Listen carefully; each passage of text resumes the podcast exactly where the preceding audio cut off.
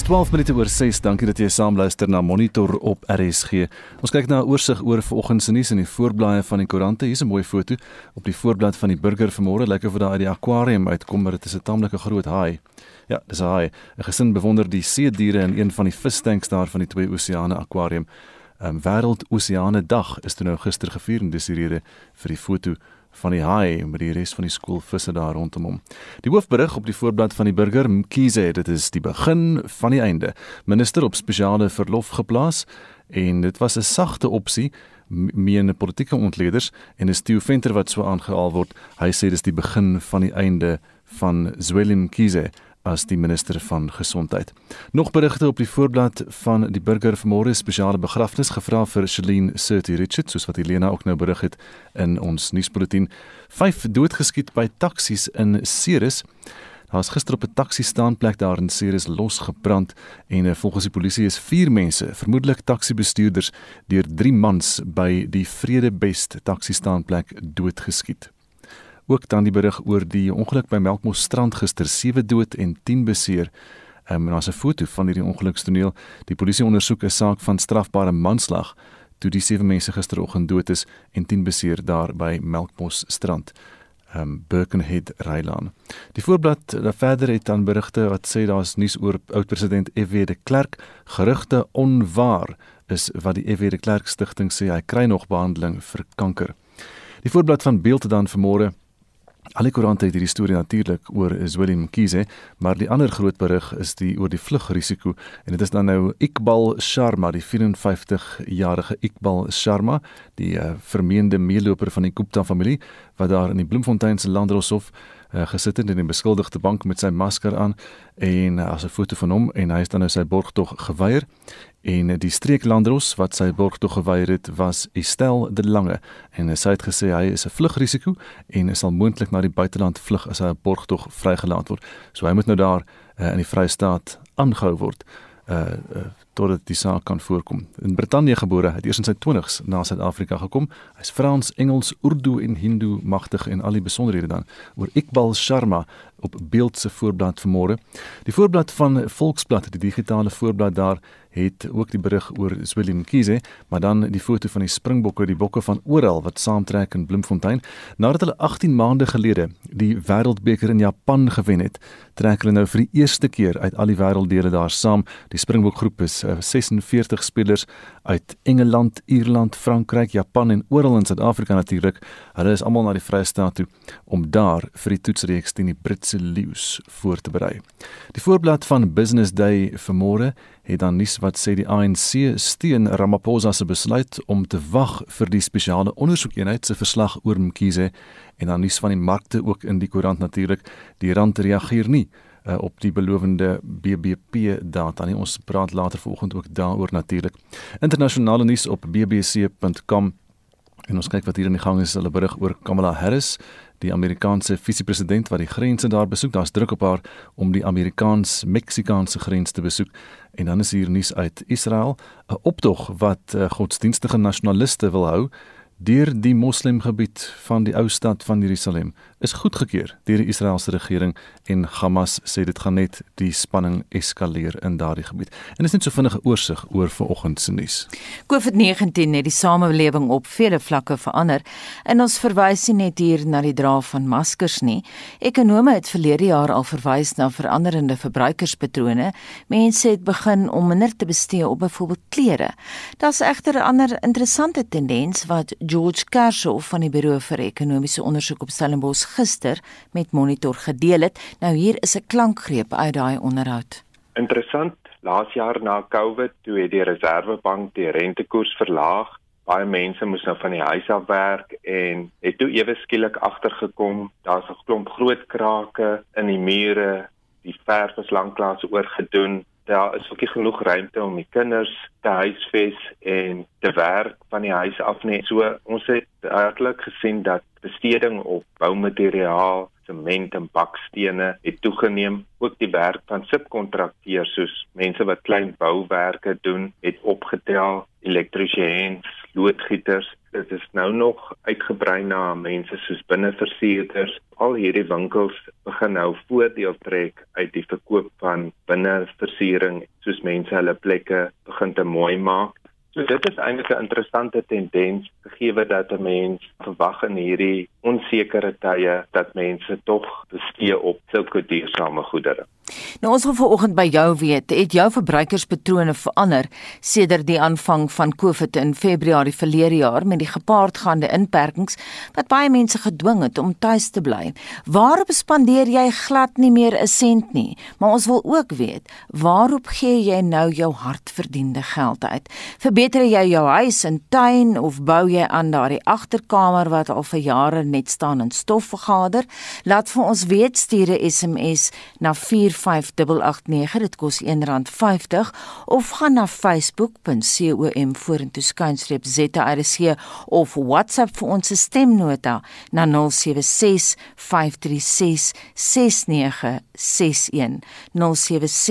0765366961 0765366961 Dis nou 18 minute oor 6 by Monitor nou swanger vroue in ver afgeleë dorpe soos Tombo in die Oos-Kaap gebruik tradisionele medisyne omdat hulle geen of swak toegang tot gesondheidsdienste het.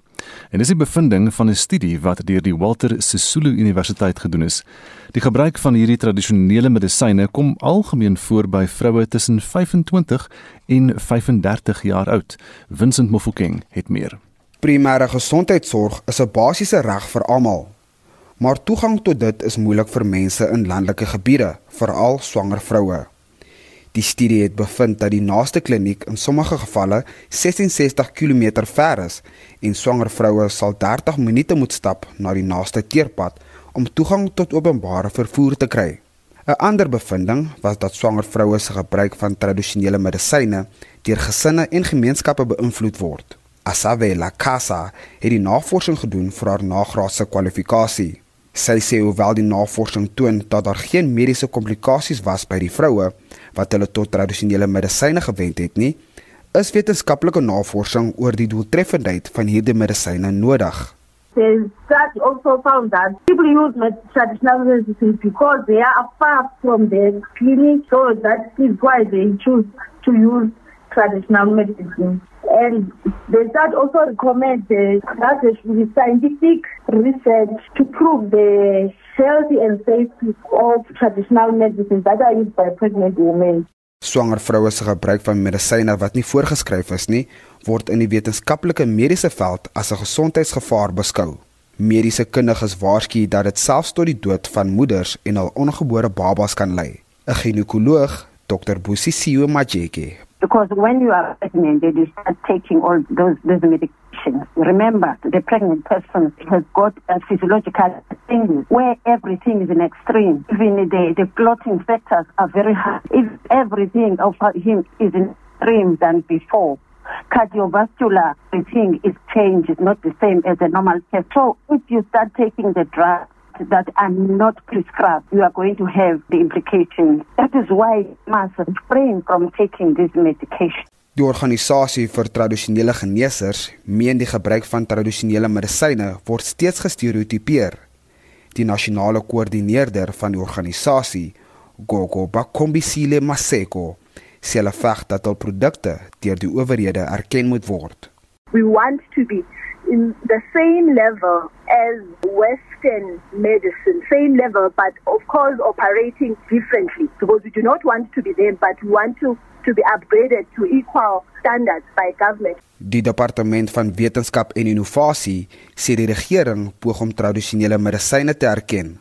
Die adjunkt-direkteur-generaal in die departement, Mboneni Mufe, sê hulle help praktisyns om hul produkte te kommersialiseer indien hulle sou wou. There are a number of provincial structures that we interact with. And there are also in the stakeholders that I said we have that represent traditional healers, that represent your entrepreneurs. Some of them are not traditional, but they grow some of the plants that are used by traditional healers. So we've got a, a network nationally of those people. And I must agree that we may not have, and we, we have reached every single corner, but our plan is that we need to continue to get into all the corners. Die vroue wat aan die studie deelgeneem het, beskou die gebruik van tradisionele medisyne as deel van hul erfenis. Hierdie verslag is saamgestel deur Aya Bongwa Kekana in die Oos-Kaap. Ek is Vincent Mufokeng vir SAIK nuus. Die impak van die COVID-19 pandemie op die onderwysstelsel was die grootste besprekingspunt tydens die debat van die Nasionale Raad van Provinsies. Die begrotingsrede van beide die basiese en hoër onderwysdepartemente was ook op die agenda. Zelin Merrington het al die besonderhede. COVID-19 het chaos veroorsaak in skole en tersiêre instellings. LPS het baie van die debat gebruik om hierop te fokus. DALP Delman Christians en EFFLP Beta Lahi sê leerlinge het gesukkel gedurende verlede jaar se grendeltyd. Many vulnerable children were further deprived from their only hot meal or reprieve from abuse because of the extended periods they were unable to attend school. These inequalities have further highlighted the challenges, such as the disparities in digital literacy, access to the internet, and internet enabled devices, which, of course, are key considerations in remote learning. The COVID pandemic demo- demonstrated for all to see that well resourced schools with properly trained teachers and social support services for both learners and teachers can withstand almost any challenge. While schools were closed during level 5 lockdown, Many were due to, to do school managed to keep learning going. While millions of, pro, of poor black students in townships and villages have nowhere to go. IFPLP Kolani Ngwezi het kommer uitgespreek oor volskole te midde van 'n derde vlaag van COVID-19 infeksies. The uncertainty in the Department of Basic Education and the choices made by this department make things harder for our children and their teachers. For instance, how is it possible to go ahead and open schools when COVID 19 infections are rising each day and we are in a third wave? Where is the consideration for the health and well being of teachers and learners? Inkatha believes, or Inkatha does not believe that education must come at the expense of the human lives. Die minister van basiese onderwys, Angie Motshega, sê alhoewel hulle leerders in die skool wil hê, stem sy saam dat die inenting van onderwysers baie belangrik is. We agree that teachers must be vaccinated. We agree that they are indeed very important so that we can create more space, but they're not the, the vaccination of teachers is not necessarily linked to the return of children to school. We want young children to return to school for different reasons, not because teachers are vaccinated. We want them to return to school because this differentiated t- uh, timetable is causing lots of problems in the sector. We're losing more time and we're beginning even to observe high levels of juvenile delinquency because when young people are not adequately engaged, Conclude, then Honorable Minister. About them. So it is important. Intussen sê die minister van hoër onderwys, Blyden Zamande, sy departement probeer om 'n entstofvervaardigingsprogram te ontwikkel. In response to the negative socio-economic impact of COVID-19, Cabinet approved the strategy of the Department of Science and Innovation to drive a multi-pronged national vaccine production and development strategy to secure our nation's long-term pandemic preparedness. Dit was die minister van hoër onderwys, wetenskap en tegnologie, Blyden Zamande, Zelin Merrington, Parlement. Dis nou 26 minute oor 6 kandidate wat politieke partye keer en aanwys om hulle in die munisipale verkiesing op 27 Oktober te verteenwoordig, sal van kritieke belang wees vir hul kanse op sukses. Vincent Mofokeng berig dat politieke partye verskillende keuringsprosesse het om voornemende raadslede te werf. Die gewelddadige betogings in die Tshwane Metro voor die munisipale verkiesing in 2016 teen die keuse van Toko Didiza as die ANC se burgemeesterskandidaat vir die metro blyk 'n waarskuwing vir die ANC te wees. Inwoners het die party toe daarvan beskuldig dat hulle leiers op hulle afgedwing het. Die ANC se adjunksekretaris-generaal, Jessie Duarte, sê die gemeenskap se voorkeur is onontbeerlik in die party se raadslidskeringsproses. We allow our branches to select four candidates for award, two men and two women. And then six candidates are discussed for the PR list in every branch.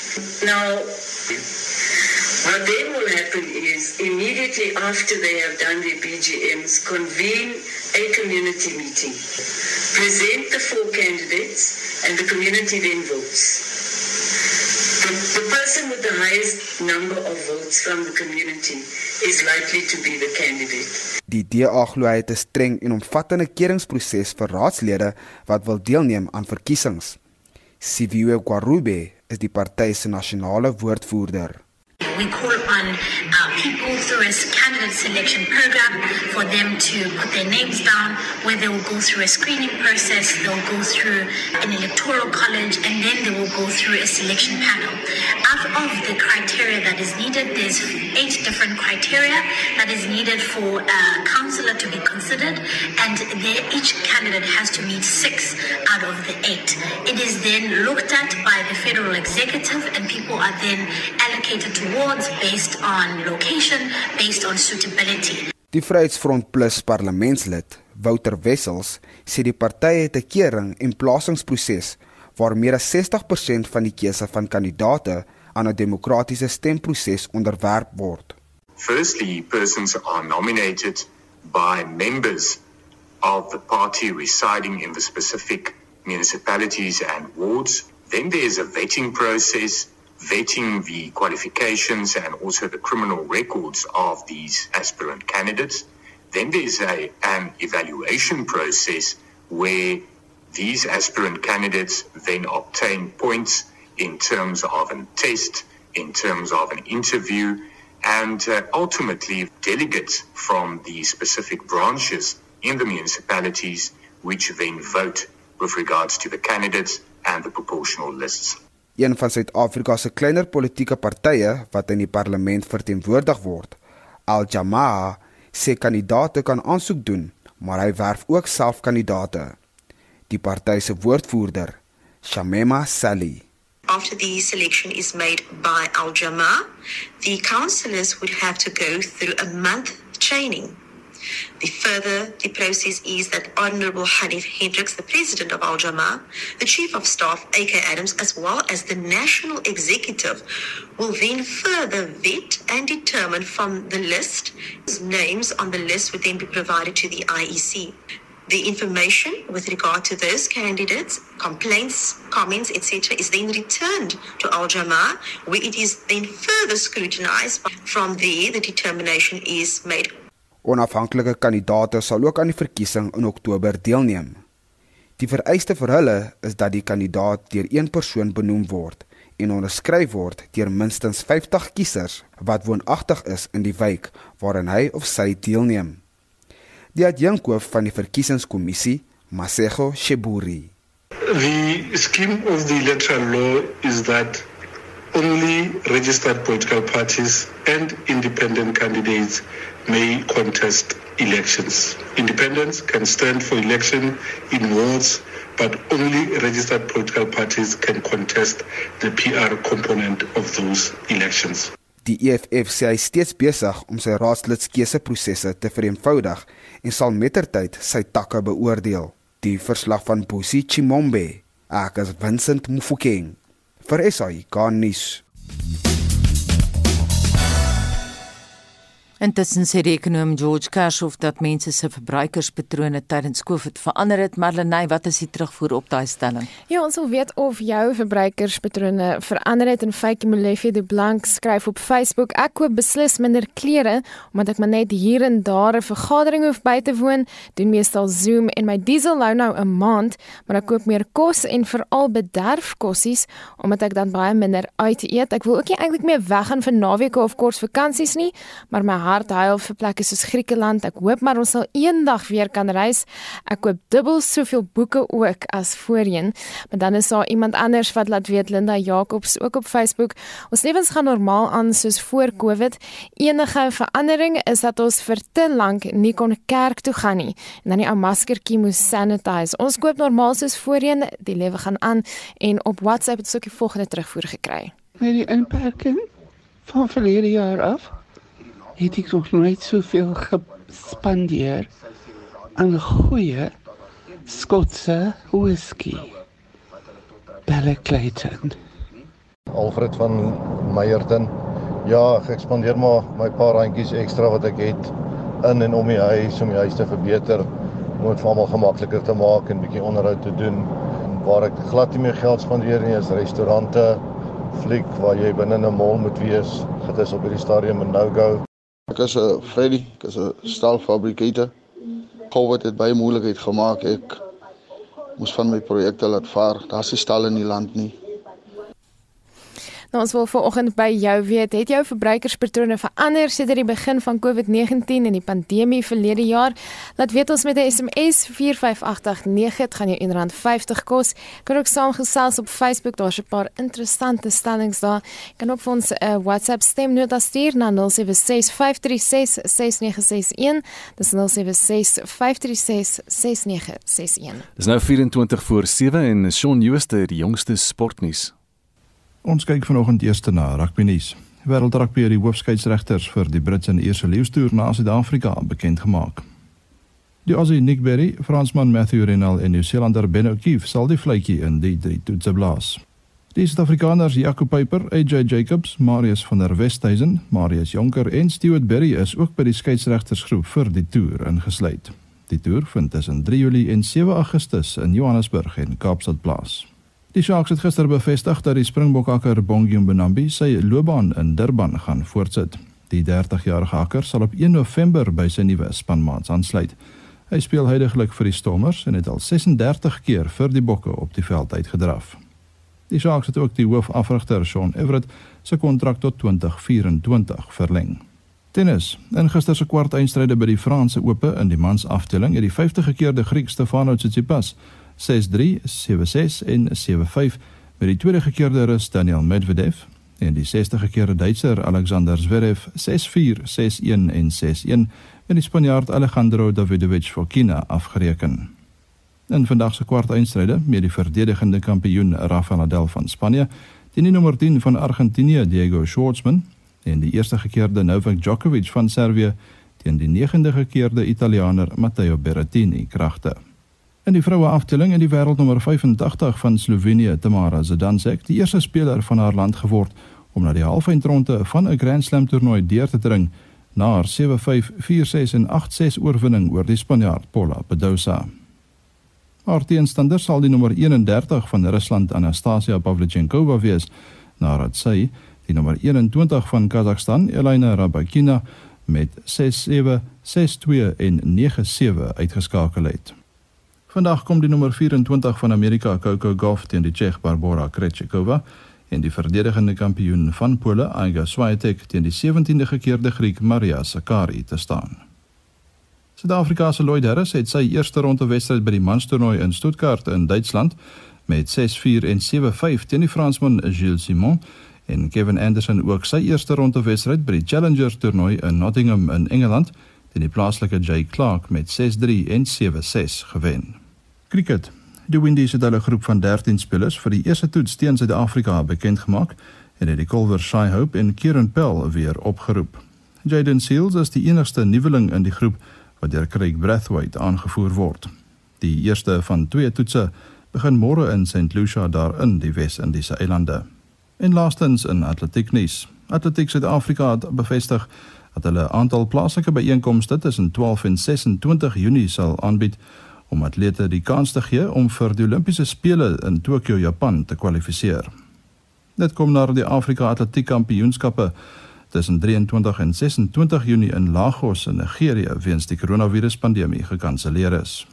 Atlete wat reeds gekwalifiseer het, kan ook van die byeenkomste gebruik maak om vir die spele wat tussen 23 Julie en 8 Augustus plaasvind voor te berei.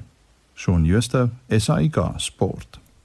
President Cyril Ramaphosa het die minister van gesondheid, Dr. Zweli Mkhize, op spesiale verlof geplaas. Die president sê in 'n verklaring dit sal Mkhize toelaat om aandag te skenk aan die ondersoeke na 150 miljoen rand se kontrak tussen die departement van gesondheid en die maatskappy Digital Vibes. Die minister van toerisme, Mamoloko Kubai Ngubane, sal tot verdere kennisgewing as waarnemende minister van gesondheid dien. Mkhize het gister die Noord-Kaap besoek om die provinsiale gesondheidsowerheid se vordering met die inentingsproses te bepaal. Vincent Mofokeng doen verslag. Minister Mkhize het vroeër tydens sy besoek aan inentingssentrums in Kimberley bevestig dat hy sy voorneme om spesiale verlof te neem met president Ramaphosa bespreek het. Die minister se beweerde betrokkeheid by sy departement se toekenning van 'n kontrak van 150 miljoen rand aan die maatskappy Digital Vibes word ondersoek. We have discussed the issue of a special leave. I actually raised that with the president, and so we will wait for those processes. And when in due course, the president will give us a guide. I have spoken to the chairperson of the Integrity Commission. I have uh, written them a letter to say that there were information we needed to collate, to, to collate, and therefore, once that is ready, we'll be going to uh, present ourselves to the Integrity Commission. As things stand now, uh, they actually confirmed that they've received the communication. Dr Mkhize sê hy neem volle verantwoordelikheid vir die negatiewe impak wat die beweringe van korrupsie rondom sy betrokkeheid by die Digital Vibes kontrak veroorsaak. I want to just start by saying that I fully acknowledge and take personal responsibility for the public outrage that has been caused by this digital vibe contract. Also, also take want to uh, state it upfront that uh, I do not in any way undermine the voices, the views, the disappointment, the anger, and the calls for accountability that have been made by the citizens. Mkhize het ook om verskoning gevra. The negative discourse has not only affected, had impact on me, but it has also had impact on my family. But most of all, also it has tainted the teamwork of our government that uh, is led by President in our continued efforts to fight uh, COVID-19 uh, situation. It's also caused a bit of disruption. And so for all of this, I want to unreservedly apologize. Intussen sê Mkhize dat die land na verwagting hierdie maand meer entstofdosisse sal ontvang insluitend die van Johnson & Johnson. Die verslag is saamgestel deur Nobelungu Nowapane in Kimberley, ek as Vincent Mufokeng vir SAI Garnis. Nou die DA se woordvoerder oor gesondheid, Sifiwe Gwarube, het die president se besluit om Zweli Mkhize op spesiale verlof te plaas verwelkom, maar sy sê president Ramaphosa moes eintlik strenger opgetree het. He should have suspended the minister because, of course, a suspension has great implications, and we are of the view that this is what should have happened. However, we do note that he's not been placed on special leave and welcome this fact so that we can ensure that the SIU investigation, which is taking place within his department, is not in any way politically influenced by his presence in the department.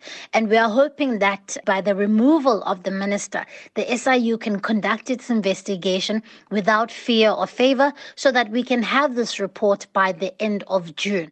Die Vryheidsfront Plus se leier, Dr Pieter Groenewald, sê weer die president moes vroeër opgetree het. Die Vryheidsfront Plus verwelkom die besluit van die president om sy minister van gesondheid Dr Mkhize op spesiale verlof te plaas. Hy moes dit eintlik al lankal reeds gedoen het toe die beweringe in die media verskyn het en dit bekend gemaak is toe moes die president hom al op spesiale verlof geplaas het en nie gewag het dat daar soveel druk op hom geplaas moet word voor hy opgetree het nie. Cope se woordvoerder Dennis Bloem sê Mkhize moet uit sy pos verwyder word. Cope rejects the decision by President Ramaphosa to place Minister of Health Zweli Mkhize on special leave. President Ramaphosa must fire Zweli Mkhize. The corruption allegations against him are very serious. Die voorsitter van die parlement se portefeulje komitee oor gesondheid, Sibongiseni Glomo, het ook die besluit verwelkom. If you can recall in the previous meetings with the portfolio committee, the minister had said that he will not be on the way of uh, investigations of any issues related to this tender, including if it touches his name. So we think it is in keeping with that understanding to say, can I allow the whole process to go on with the investigations and probably take a leave while this is done. So we welcome that as a portfolio committee. Net jong sekretaris-generaal van die ANC, Jesse Duarte, sê die nasionale werkskomitee verwelkom Mkhize se besluit om voor die party se integriteitskomitee te verskyn. We welcome the decision by Comrade William Kizi to present himself to the Integrity Commission in line with the resolution of the 54th National Conference. The NWC rejected any insinuation that investigations by law enforcement agencies in general and the SIU in particular have been influenced by factors other than those provided for in the law. Investigations by the SIU are initiated at the request of a government departments or other state institutions. They are formally proclaimed by the President once due legal processes have been followed. Dit was Jessie Duarte, die adjunksekretaris-generaal van die ANC. Die verslag van Mercedes Besent in die parlement, Marlene Forsie SAK nuus. Een van die hoofstories vandag is die feit dat die minister van gesondheid op spesiale verlof geplaas is weens die omstredenheid rakende die Digital Vibe skandaal. Voor die aankondiging was baie oppositiepolitici egter ongelukkig oor Zweli Mkhize se hantering van sy portefeulje. Kom ons luister gou na wat die DA se adjunkt nasionale woordvoerder van gesondheid, Lindy Wilson, vroeër die week aan Monitor gesê het. Following the meeting on Friday, we had called, as a portfolio of health, had called a meeting with William Kesey, who did not come to the meeting on the grounds that he had been advised by his legal representatives not to appear before the portfolio. The AG then appeared before the portfolio and told us absolutely nothing, except to say, and we knew this already, that the SIU and the Hawks were investigating the corruption that involves William Kesey amongst several others. And despite the requests for him to appear because he is answerable to the portfolio of health. He refused to, and the AG also refused to give us clarity on some of the details. When there's a lack of transparency, it sends out a very bad message, and we are very concerned about this. En dit dan die DA se adjunkt nasionale woordvoerder van gesondheid Lindy Wilson. Nou vir haar reaksie hierop in die nuus van die oggend praat ons volgende met die voorsitter van die Suid-Afrikaanse Mediese Vereniging Dr Angelique Kutse. Angelique, goeiemôre weer. 'n Goeiemôre en 'n goeiemôre hierdie keer aan Anita. Anita hier langs my. Angelique. En nie Marietta nie. nou gister in Kimberley in die Noord-Kaap het ons nou die minister daar gesien, minister Mkhize. Hy het nou daar gepraat en om verskoning gevra, het gesê hy het aangebied om op spesiale verlof te gaan en so aan. Dit het nou intussen gebeur teen laat gistermiddag het die president dit bevestig. Ons het 'n waarnemende minister. Wat is jou reaksie eerstens voor ons verder praat oor oor die eh, verwydering van die minister en die nuwe minister? Gaan ons die koronavirus sonder hom verslaan? Ek dink ons gaan die koronavirus gaan nog steeds sy sy pad gaan of die minister daar is of nie. Die minister het gelukkig redelike goeie advieskomitees in plek gestel. Jy weet die probleem nou is ongelukkig ook dat ses ander top struktuur ehm um, of amptenare in die topstruktuur ook op spesiale verlof geplaas is en ehm um, dat baie van die werk nou op een of twee mense afkom maar ehm um, soos wat ons ook altyd weet in 'n staatsdepartement is daar net altyd 'n paar mense wat die werk doen. En ehm um, so ek dink nie dit gaan 'n vreeslike groot verskil maak op hierdie stadium aan die vaksines nie. Dit is jy weet ons weet almal ons wag vir die die die die Amerikaanse FDA om goed te keer. Ons weet ons gaan sukkel om nou op hierdie stadium met die Pfizer vaksines. Ek bedoel daar gaan niks in daai spasie verander nie of hy daar is of nie. Hoe lyk die moreel onder jou kollegas? Wat sê hulle oor wat met Zweli Mkhize gebeur het? Wat is die algemene gevoel? Nou, die algemene gevoel is dat ehm um, gereg en geregtigheid moet geskied en dat ehm um, jy weet as daar korrupsie is, dan moet ehm um, uh, jy weet uh, uh, hy gevra word om sy pos te verlaat. Eintlik moet hy nie gevra word nie, hy moet dit dan net sy eie doen. Jy weet ou moet uh, maar die korrekte prosesse volg en seker maak dit is 'n bietjie kommerwekkend dat jou eie departement so jou eie weet mense self aanstel om na die sogenaamde korrupsie te ondersoek. Dit is uh, jy weet dit is so goed soos jy is die ehm um, die judge in die jury gelyktydig maar um, ek dink dat die die special um, SIU wat nou hierdie saak oorgeneem het, dink ek dit gaan baie meer geloofwaardigheid verleen aan hierdie situasie. Jy het nou vroeër gesê ons moet aangaan met die inenting en so aan, maar kan 'n uh, gebeurtenis soos hierdie op hierdie vlak, die minister, die verwydering van die minister, die kontrak, al hierdie soort van dinge wat gebeur, mm -hmm. kan dit 'n impak nee. hê op die inentingsveld tog in terme van mense wat moet opdaag om ingeënt te word? Nee, wat ek dink jy dit gaan enigsins 'n uh, invloed hê daar nie. Soos ek sê daar is ehm um, um, daar's altyd ander mense wat al reeds besig is met hierdie prosesse in die departement en dan ook van die private sektor, weet business vir Suid-Afrika is besig om daarmee te, te werk en samewerking. So jy weet daai goed gaan maar aan. Jy weet of die minister nou siek is en of hy daar is en of hy nie daar is nie. Die proses gaan aangaan. Die hele ding is net ons moet um, daar moet baie meer um, oorsigtigheid kom oor hierdie prosesse. Ehm um, ek is so baie bekommerd in die opsig dat jy weet 24% eh, van die vaksines word aan die private sektor toegedien. 'n Private sektor doen ons mense met um, mediese fondse. Hmm. 76% gaan na die staat toe en dan gaan ek wil ek graag weet hoe ehm um, daai vaksines wat toegeken word aan die staat word daai vaksines elke dag opgebruik. Jy weet daar's baie meer sulke belangriker vrae en en en en die sigtigheid wat ons moet kry wat ons op hierdie stadium nie regtig die antwoord het. Ons kan vir jou sê wat in die private sektor gebeur, maar die publieke sektor is maar 'n geslote boek, jy weet, ehm um, en en daai is vrae wat ons moet vra want ons het 'n tekort aan vaksines. So as die publieke sektor nie sy vaksines uit ehm um, elke dag uitgerol kry nie, dan moet die private sektor nader getrek word sodat ons van die publieke persone in die private sektor kan ook immuniseer. Maar ehm um, ja, soos ek sê, daar is ander belangrike vrae wat wat tans vir ons pla. Angelique, die Wêreldgesondheidsorganisasie het hierdie week gesê Suid-Afrika behoort nie weerhou te word om met die Johnson & Johnson inentings voort te gaan nie. Trouens, die WHO se assistent DG, Mariangela Shimao, sê die enstof is vir noodgebruik goedgekeur en kan toegedien word.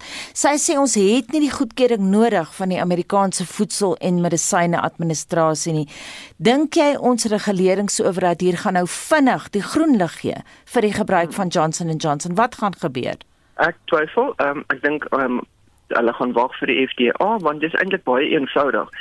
As die as die FDA sê dat hierdie ehm um, uh, instowwe wat van die spesifieke ehm um, fabriek afkom nie korrek was nie en ons het dit toegedien in Suid-Afrika, dan kan ek my net self indink hoe word ons dan ehm um, twee goed gaan gebeur. Die publiek gaan gaan gaan ehm um, groot baie daaroor maak en ons gaan onsself ook blootstel aan litigasie. So op hierdie stadium, jy weet die wêreldgesondheidsorganisasie kan sê wat hulle wil, maar ons sit op die ouene met die tameleki en ons sal net moet kyk. So die enstowwe wat van Johnson & Johnson wat nou oormerk word vir die ehm um, onderwysers kom nie van daai plant af nie. Dit kom van 'n ander fabriek af En ehm um, die probleem net daarmee is ek dink daar's 'n vervaldatum. So daai goed moet inkom en dan moet ons hierdie onderwysers so vinnig as moontlik geïmmuniseer kry want wat ek tans sien is dat ehm um, die die die helfte van die onderwysers in vir al in die Pretoria area is omtrent almal het COVID. So ek weet nie wie gee vir die kinders klas nie. So op, op hierdie stadium dink ek is ons in elk geval besig om 'n half van 'n gemors in te beweeg. En ehm um, ek dink ook daar moet nou begin gekyk word na hoeveel skole het onderwysers um, wat kan klas gee, hoeveel kinders is siek en weet miskien net weer herbesin en net die skole vir 2 weke toe maak of iets soos daai dat ons net weer voor kan begin maar op hierdie stadium is dit in elk geval 'n krisis. Ek wil nou vir jou juist daaroor vra oor die onderwysers en die daar's 500 dosisse van hierdie Johnson & Johnson ehm um, verseker vir die onderwysers maar as julle as die medisyne moet voorkeur gee aan sekere sektore of dele van die samelewing wat ingeënt behoort te word voor ander uh, wat sou jou prioriteitslysie wees? Wel, soos ek sê wat ons nou sien is kyk ons is onoffisieel in in in in die derde golf. So so wie's nou die groot men, die mense wat hierdie goed kan vir ons kan kan sprei. So onderwysers is nou uh, regtig uh, dink ek 'n probleem op hierdie stadium, maar ek sal ook sê enige iemand wat 'n publieke uh vervoer lisensie het, soos jou taksies en ehm um, uh, uh, jy weet uh, mense wat trokke bedryf bestuur van een dorp na 'n ander dorp. Al daai ouens dink ek is nou vrek belangrik dat 'n ou hierdie voorkeur aan hierdie mense gee want hulle is nou elke dag met mense in kontak. En dan moet jy natuurlik jou nog steeds jou gesondheidswerkers wat nie geïmmuniseer is nie, moet jy probeer beskerm. En ehm um, en en hulle immuniseer. Ek ek vind dit net so 'n bietjie uh vir my of ironies dat daar gesê word ons het nou oor 'n miljoen mense geïmmuniseer.